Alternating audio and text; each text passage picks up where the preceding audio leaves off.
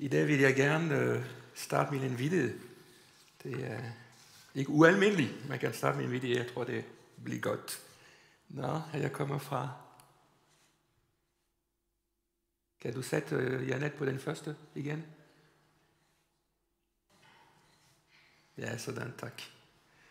Det ene, jeg kan godt lide, jeg synes, jeg har en, har, en af mine gode venner har fortalt mig det for mange år siden, faktisk.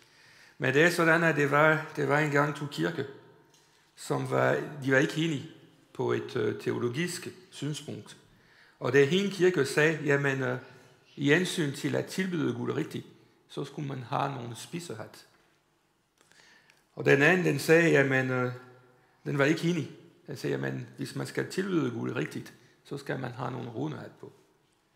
Og så det, det var krig mellem de to kirker der, og det var lov også, at det hende ville have noget i helvede, hvis de to spiser hat på, og den anden ville have noget i helvede, hvis de to runer hat på. Og så det kom en dag, ligesom alle sammen, at de, var, de to kirker, de havde på i Guds trone foran guld. Og så, øh, så det var sådan, at uh, endelig skulle de få at hvile. Og de var alle sammen glade, fordi de skulle være vilde. Var det de runde hat, som havde ret, eller var det de spiser hat, som havde ret? Og så lige pludselig, det kom en engel, som råbte, jamen øh, foran guld, alle hat skal nille. Det illustrerer godt, at måske foran guld vores små forskel nogle gange er ret lille. Og guld er måske ligegyldigt, at vi bærer nogle rune hat, eller nogle spiser hat. Det er måske ikke det, det betyder så meget. Ja, det jeg bliver inspireret i dag, det var, det var at tale om lidt om den samfund, vi lever i. Um, jeg synes, vi, hvis vi kigger på lidt den samfund, vi lever i, det er... Nå, og så jeg kommer til at slukke igen. Det går godt med teknik. Sådan, tak. Det vi lever i, det, det er det, vi kalder en postmoderne samfund. Og så postmodernist, den går op med en universel vestlig tænkning. Det bygger på rationalitet, objektivitet undskyld, og total totalitetsteknik. Så begrebet, den bliver introduceret i 1980, og postmodernité er kendetegn ved, at vi, at vi har bevæget os videre fra de forskellige ideologi og ismens, som er som den moderne samfund, især i 1800-tallet og i starten af 1900-tallet, var karakteriseret af. Og det er industrialismen, nationalismen, kommunismen og kolonialismen. Så det, den siger, den det postmoderne samfund, det er, at vores udtryk er lige med identitet. Og sagt på en anden måde, er den postmoderne individ sin egen forfatter, og han kan skrive sin egen liv og sin egen identitet på tværs af sociale klasse, etnicitet, landgrænse, historie, tradition, familie osv. Så det er derfor, den postmoderne til, det er også kaldt for individualisme tidsalder. Fordi det postmoderne individ selv konstruerer sin verden. Jeg ved ikke, hvis I kan genkende det, men det er, at vi selv definerer vores verden. Vi selv finder ud af det, men uh, øh, hvis jeg vil gerne være sådan og sådan, så må jeg gerne. Eller hvis jeg vil gerne være på en anden, det er mig selv, som bestemmer. Og det hele handler om, hvordan jeg ser verden på. Så virkeligheden, den er forandret, diffus og kompleks, uden objektive standard for, hvad det gode liv er, og derfor det er op til den enkelte individ at stole på sin dummekraft og vælge sin egen vej. Så rationalitet, som var før den postmoderne samfund, øh, hvor rationalitet, det er at tænke det var sat i centrum, og hvor fornuft, det var værdigt, øh, og hvor helst skulle argumentere videnskabeligt, hvorfor man tænker sådan og det er. Øh, og den måde, det var rationalitet, som før kunne handle om, at jamen, hvordan skulle vi handle på, hvordan skulle vi være i verden. Det er væk. Så nu, fornuft, rationalitet er sat i stillen. Og det, jeg siger det ikke, fordi jeg har lyst til at komme til den til, hvor, hvor det hele var sådan. Men det er bare for at beskrive, prøve at beskrive, har en idé om, jamen, øhm, lidt svært for det, det, det til at fungere. Øh, det er ligesom, ja, øh, er den samfund, øh, det er det samfund, vi lever i godt og ondt. Så om min pointe her, det er, at nu, hver menneske nu kan definere sin egen virkelighed. Det er ikke noget sandhed mere. Sandhed, sandhed er dem, jeg selv definerer. Alle verdens syn er okay, og det er ikke en syn, som er bedre end anden. Og så det sidste fem år, jeg ved ikke, hvis I har bemærket det, men det er også kommet en ny fænomen, som er logokisme. Øh, og, eller woke, det er at være woke. Jeg ved ikke, hvor meget man snakker om i Danmark, hvor meget man er bevidst om det, men i hvert fald i Frankrig og USA, det er virkelig, virkelig større. Og woke, det er en identitetspolitisk begreb, som stammer fra USA, og anviser til en opfatte eller opleve opmærksomhed over vores overfør social og racemæssig uretfærdighed. Så sagt på en anden façon, det er en bevægelse, som ønsker, at alle undertrykkelse skal fjerne. Også den undertrykkelse, som har sig igennem historien.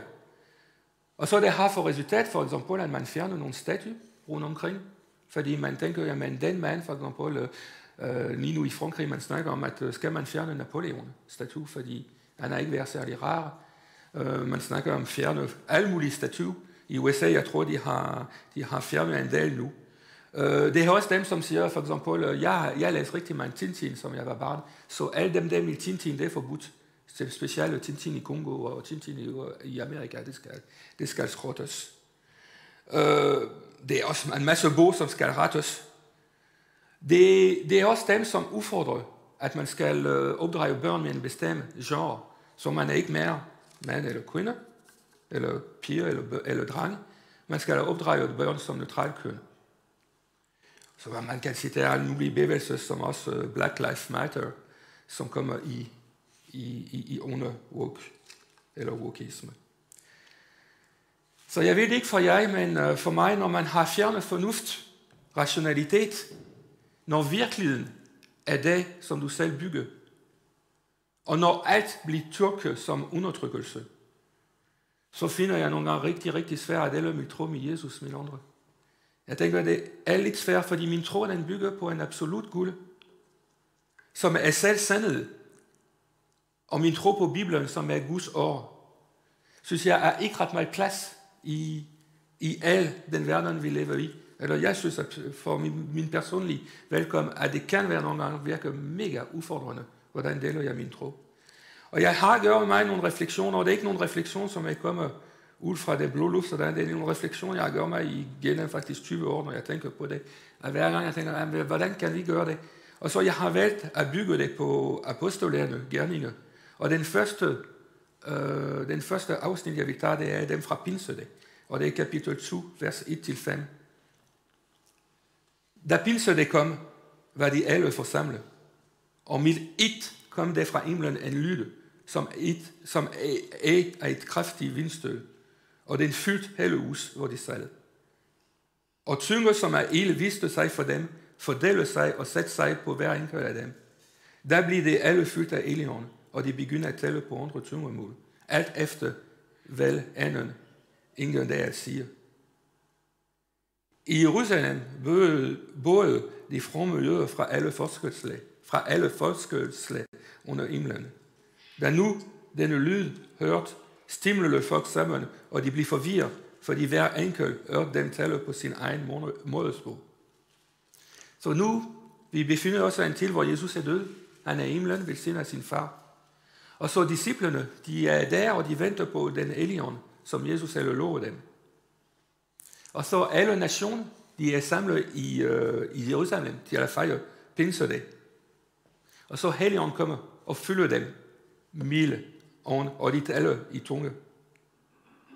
Og så alle jøderne, alle de forskellige nationer, som er samlet i, i, Jerusalem, de kan forstå dem lige pludselig. De kan forstå det, de taler deres egen, øh, egen sprog.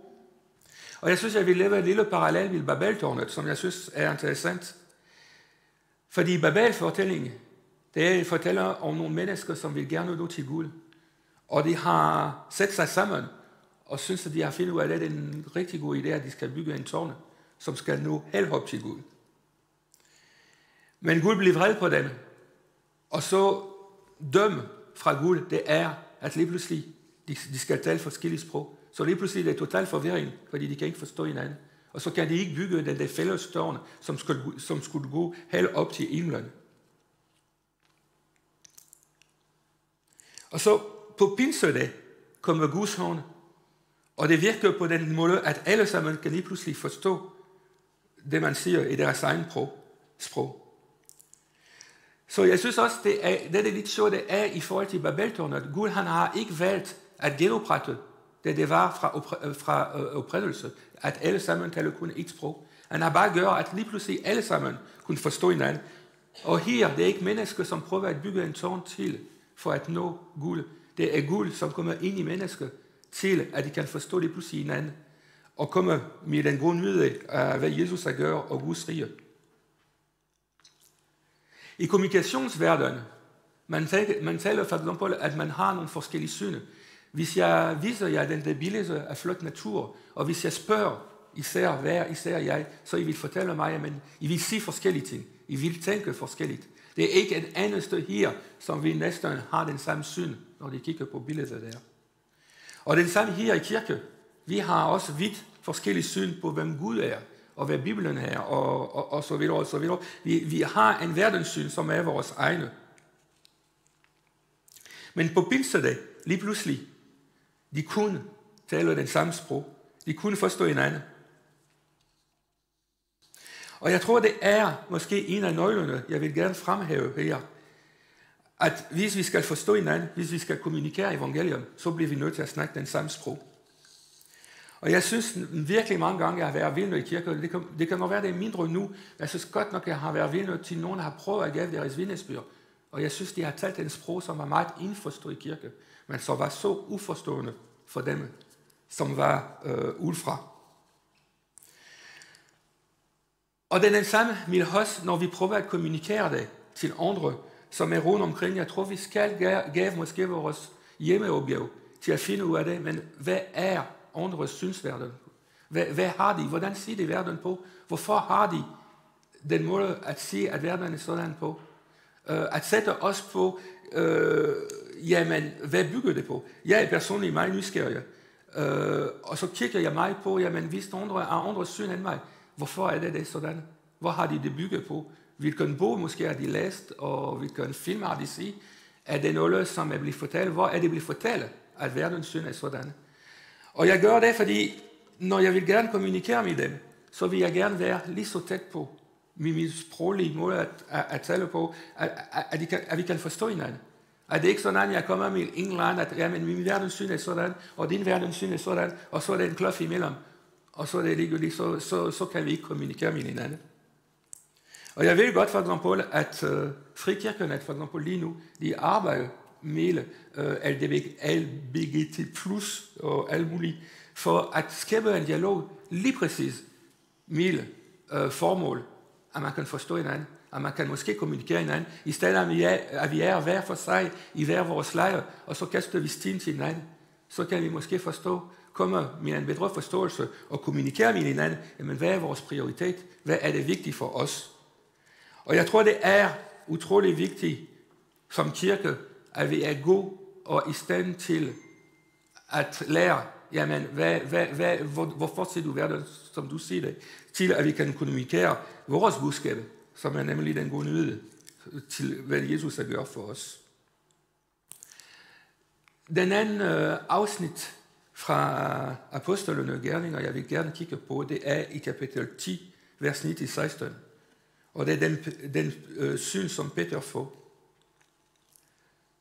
Den næste dag, da de var undervejs og nærmede sig byen, gik Peter ved den sjette time op på tag for at bede. Der blev han sulten og ville have noget at spise, men han tilberedte det, faldt han i anrykkelse, og han, og han så himlen åben, og nu er han kommet ned, som ligner en stor du. Det vil de fire hjørner blive sænket ned på hjørnet. I den var det alle slags af jorden firben, dyr og krybdyr, og af himlens fugle. Og en røst slog til ham, rejs dig, Peter, slagt og spis. Men Peter svarede, ikke tale ham her, for jeg har aldrig spist noget som helst vanhellig og uren. Så lå røsten igen til ham for anden gang. Vel Gud har ikke klart foran, må du ikke kalde vanhellig. Dette skete tre gange, og straks efter blev det helt taget op til himlen. Så her igen, vi befinder os i begyndelsen af kirke, som, vi, som, som er startet her før missionen. Og så i Gamle Testament, mission, den starter lidt på den, sådan at øh, der er en profeti, som siger, at Gud, han vil velsigne alle nationer. Og han har sagt det til Abraham. Han har lavet en pagt til Abraham, hvor han har sagt, nu vil jeg velsigne alle nationer igennem dig. Og så først, det der skulle ske, det er, det er, at Israel den skulle afvise Jesus. Den skulle få sin døm. Og efter Jesus død, så var det til at forkyndelse skulle, øh, til frelse og velsignelse skulle ske til nationen og ikke mere til Israel. Og typisk, når, når man bruger nation i Bibelen, det betyder, at dem, som ikke er jøderne. Så det var lige pludselig ikke kun Israel, som var Guds folk der, men det var som alle, som frygte er, og som havde tro på Jesus, Øh, som havde tro på det, Jesus havde gjort på korset, som var lige pludselig øh, Guds folk. Og så Peter, som var jøde, og han troede selv på, øh, på den jødiske lov, og som indebærer blandt andet, at det var nogle dyr, man må, ikke, man må spise, og nogle dyr, man må ikke spise. Det var nogle ting, som var urent, og der var nogle ting, som var rent. Og så han fik den vision, at lige pludselig, jamen, den lå der, hvor, hvor, hvor det var nogle dyr, som ikke skulle spise, så kunne man spise øh, de dyr igen. Og det var den signal fra Gud, at nu, den frelses historie, den frelses øh, plan, den var flyttet fra Israel til alle og dem, som var ikke jøder. Og for mig det er en stærk symbolik, at lige pludselig Peter han skulle leve om på sin vision af, hvem Gud var. Hvordan han skulle forstå, hvem Gud var, til at få sin budskab til nogle andre, til, en, til nogle andre grupper. Og jeg tror, det er den samme med os. Jeg tror nogle gange, når vi skal øh, nå og gå med evangelium til mennesker omkring os, så nogle gange vi har brug for en ny forståelse af, hvem Gud er øh, og måske hvem hans plan er. Og så måske også nogle gange, at vi, at vi brug for at hente nogle traditioner, nogle regler, i en synd til at møde andre. Vi har alle sammen en idé, øh, nogle regler, som vi synes, at når nogle nye kommer, det er det, de skal følge. Vi har en standard, som siger, at når de nye skal komme der, så skal de være sådan, og så skal de følge de regler. Jeg tror, det er, selvom vi har det ikke bevis, så har vi det ubevis. Eller i hvert fald så det kommer meget hurtigt, hvis det ikke er i begyndelse. Så siger vi, at efter to måneder, så skal de følge de regler. Og så skal de gøre sådan og sådan. Og, men jeg tror, her har Gud, han tager ansyn til de nye i tro. Øh, og så og, og, og, og historien fortæller også, at efter at Peter skulle gå til Cornelius, som var fyldt, de var fyldt af helligånden. og lige pludselig reglerne blev lavet om også med Cornelius, hvordan Helion kom, og så bagefter så skulle de blive døbt. Øh, det har været nogle gange, nogle gange Gud lever om på rækkefølge af ting, som vi minder skulle ske, sådan, øh, som vi nører for eksempel her, at øh, vi skulle komme til tro, vi skal døbes, og så skal vi få elgerne. Og så det er andre trosamfund, som tror eller anden. Og, og, og nogle gange Gud han lever lidt om på det. Um, og jeg synes igen, vi ser sammenlignet det med Peter, for Peter, det var, han var meget retsættet på de der regler. Han synes, at det var sådan, det skulle, sko, det skulle ske. Og lige pludselig har Gud levet fuldstændig om på hans verden. Og måske igen, det er den samme måske for os. Måske skal vi opgive nogle regler, nogle kirketraditioner, vi har omkring os, for at møde nogle nye, som, skal, som vil komme i kirke. Og jeg tror, at de nye, som skal komme øh, i vores regler, de skal ikke møde, blive mødt af en masse reglerne. De skal blive mødt først af Guds nåde.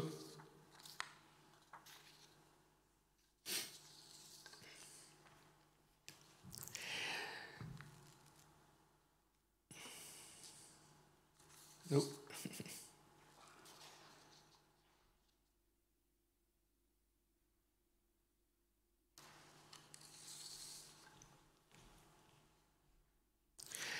Jeg har, for at illustrere det, jeg tog en lille historie, som jeg synes, jeg hører igen for mange år siden. Det var faktisk, når det var Toronto-bevægelse. Det var, det var dem, som var, som var øh, en, som kom til højskole og fortalte en historie. Jeg synes, den har givet lidt udtryk på mig. For det, det var på den tidspunkt, hvor, hvor det var ret stor krig mellem kirke og homoseksuelle. De var, de, de, var ikke, de var ikke rigtig gode venner. Jeg tror, jeg stadigvæk ikke de her, selvom det er blevet bedre. Men det var sådan, at de sagde, at vi giver os ikke at blive ved til at, at, at, at være i den krig. Så de besluttede sig at sige, at nu vil støtte homoseksuelle. Så de, de, de kiggede i en butik, som de homoseksuelle heller var, og det var, det var de heller levede en butik, som vil gerne støtte deres sag. Og, de, og kirker der, de siger, men vil du hvad, vi vil gerne hjælpe jer. Så det de gør, det er, de, de tryk, de, de laver nogle t-shirt, de laver nogle, øh, og de hjælper dem sammen i deres butik, øh, og være sammen med dem. Og resultatet var, at de at lige pludselig det var bygget bro. De homoseksuelle de var overvældet at kærlighed fra de kristne. Og så begyndte det stille over lige at, at komme i kirke. Og jeg tænker på, jeg kender ikke slutningen af historien, men det er meget for at illustrere, at måske nogle gange skal vi tænke ud af boksen, og så måske tænke ud over vores kirke eller vores tradition. Og så det gælder ikke kun, det gælder for alle grupper. For mig det er, hvordan modtager vi de øh, syge i vores kirke? Hvordan modtager vi dem, som er psykisk syge? Hvordan, hvordan modtager vi? Øh, men vi behøver ikke kun, at forholde, kun til at forholde os til de syge. Hvem, hvordan forholder vi til børnefamilier? Vores unge, vores ældre? Er vi, er vi brug her til at bryde reglerne, til at leve reglerne om, og vores kirke, kirketradition om? Og så her har jeg lige specificeret nogle regler. Det er lidt småt, men jeg synes, det er nogle regler sådan, en, en er for nogle forskellige kirker, hvordan, og nogen har en masse regler, hvordan vi skal være. Lige nu de skriver nil, men muligvis i alle kirker, så, så har man nogle uskrivede regler. Jeg synes, i den mil roller for this church, det er rigtig godt, fordi de skriver en masse regler, og den sidste regler, det er, husk at du skal også være glad. så den var god. Den tredje afsnit, jeg vil gerne fremhæve, det er det, hvor Paulus er, det er fra kapitel 17, vers 22 til 24. Det er, at uh, hvor Paulus han er i Areopagus, og han taler til athenerne. Så stod Paulus frem midt på Areopagus og sagde, Athenerne, jeg siger, at I på alle måder er meget religiøs. For da jeg gik rundt og så nærmere på jeres elligdom, fandt jeg også et alter med indskrifter for en ukendte Gud. Det I søges her uden at kende dig, det forkynder jeg jer. Gud, som har skabt verden med alt ved den rumme, og som er her over himlen og jord, hvor ikke i templet bygger hende. Jeg har faktisk selv været meget overrasket for nylig. Det er ikke mere end uge siden. Øh, det var en mand på franske fjerdsyn, synes jeg. Han synes godt nok, han var meget rabielsk. Hans holdninger kunne jeg umuligt sammenligne det med det at være kristne. Øhm, og så en måde at være på, øh, kunne jeg ikke lide. Og jeg har tit, da jeg så den mand, siger, vil du hvad, den mand ubevidst, at jeg placerer det i ikke-kristne. Til, og jeg ved ikke, hvis det sker for jer, fordi jeg har min YouTube-kanal, og jeg ser en del video om vindesby og om prædiken, og han dukker op på min YouTube-kanal. Mille vindesbyer. Og han kom i den mest, en af de mest rene vindesbyer om kristendom, om kristendom, jeg hører langt. Jeg, jeg var næsten rå til, til tår til at høre en tale, og hvordan er udtrykket sin tro for Gud. Og jeg tror også, at nogle gange vi, vi er gode til at sætte mennesker i kasserne og siger, ham der, han er muligvis kristen, eller ham der, han er det ikke, eller ham der, han er langt væk fra Gud, og ham der, han er det ikke. Og så jeg tror, nogle gange man skal virkelig passe på, lige præcis, at ikke øh, være for hurtig til at dumme at være åben for. Og jeg har tit tænkt på i forhold til Paulus, det var ret klog, den måde, han, han var imodkommende i forhold til athenerne. Og den, den måde, han er på, tror jeg, kan være virkelig, virkelig nyttig i forhold til at møde andre med evangelium. Uh, at man måske, måske de andre faktisk, er måske allerede mødt Gud, når vi snakker med dem. Måske ikke på den samme façon, som vi har. Som vi har. Men måske har de allerede haft en oplevelse med guld. Og det tror jeg er godt, det er godt måske igen at være nysgerrig her, øh, for at vide, jamen, hvad, hvad har, i stedet, i stedet at tage den der udgangspunkt, jamen, fordi de har ikke oplevet Gud, som vi har, så, så er de muligvis ikke kristne. Det kan være, de er kristne, og det kan være, de har oplevet Gud på en anden façon. En, en af de aspekt også i forhold til at dele evangelium, man måske mødes nogle nye, øh, som, eller nogen, som, som har ikke mødt Gud endnu, det er, at vi får den lidelse fra Elion. Øhm, og jeg personligt er altid uhyre åben for, hvad Elion siger til mig. Men jeg tror, det er også vigtigt, at vi besidder nogle konkrete værktøj, i forhold til, som kan hjælpe os i forhold til, når nogle nye kommer i kirke, eller når vi mødes vores nabo, eller den fra arbejde. Og så vi, har, og, og så vil vi gerne dele det, den gode nyhed øh, med dem. Så det er vil lave en lille opsummering af de tre der øh, regler, når jeg er kommet øh, her og taler i dag. Og så det er det. Det er vigtigt, når vi kommunikerer, vi prøver at tale den samme sprog. Det nytter ikke, at hver gruppe taler sin egen sprog, med sin egen måde at se verden på, uden at vi prøver at forstå det, den forståelse af verden. Måske ikke er nogle traditioner, nogle forventninger, nogle forventninger, nogle kirkeregler skal ændres eller stoppes. Mit formål er at være i stand til at kommunikere vores budskab. Som man siger nogle gange, hvis vores trappe er, er for høj, og så høj for at komme ind i kirke, så vil ingen komme. Det er vigtigt, at vi anerkender, anerkender, at andre også kan have et tro, eller har haft et møde med Gud, som er anderledes end vores. Det betyder ikke, at vores er muligvis bedre. Det kan være, at vi skal være nysgerrige i forhold til andre mennesker, og hvordan de har måske også mødt Gud. Så jeg håber, at disse røde råd eller bemærkning at give jer lyst til at reflektere over, hvordan vi kommunikerer evangelium i dag, i den samfund, vi er en del af. Det ligger rigtig, rigtig meget, tror jeg, dybt på Guds hjerte, at vi deler med andre, hvad Gud har gjort for os og korset. Og så jeg tror personligt som kirke, jeg tror, at Gud er i gang med at forberede os. At vi står klar til at modtage, kirke. Og så jeg vil personligt være klar til det, at når nogen kommer i kirke, jeg vil gerne virkelig personligt og være lige så modtagelig som muligt. Og jeg håber på os, at I vil også være øh, klar til det og være en del af det. Amen.